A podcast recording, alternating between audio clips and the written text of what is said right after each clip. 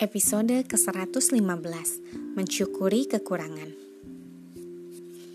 Seusai sebuah upacara pernikahan di Singapura, beberapa tahun yang lalu sang ayah mertua memanggil menantu barunya ke pojok untuk memberinya nasihat tentang bagaimana agar pernikahannya awet dan bahagia.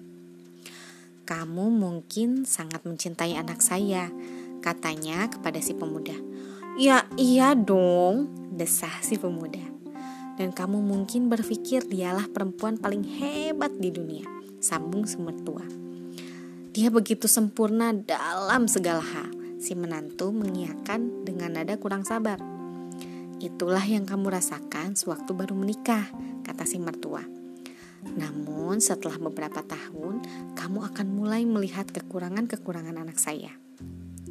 Saat kamu mulai menyadari itu, saya ingin kamu ingat ini jika dia tidak mempunyai kekurangan-kekurangan itu menantuku, dia mungkin sudah menikah dengan orang lain yang jauh lebih baik dari kamu.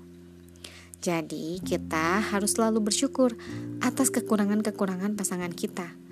Karena jika dari awal mereka tidak memiliki kekurangan-kekurangan itu, mereka sudah akan menikah dengan orang lain yang jauh lebih baik daripada kita.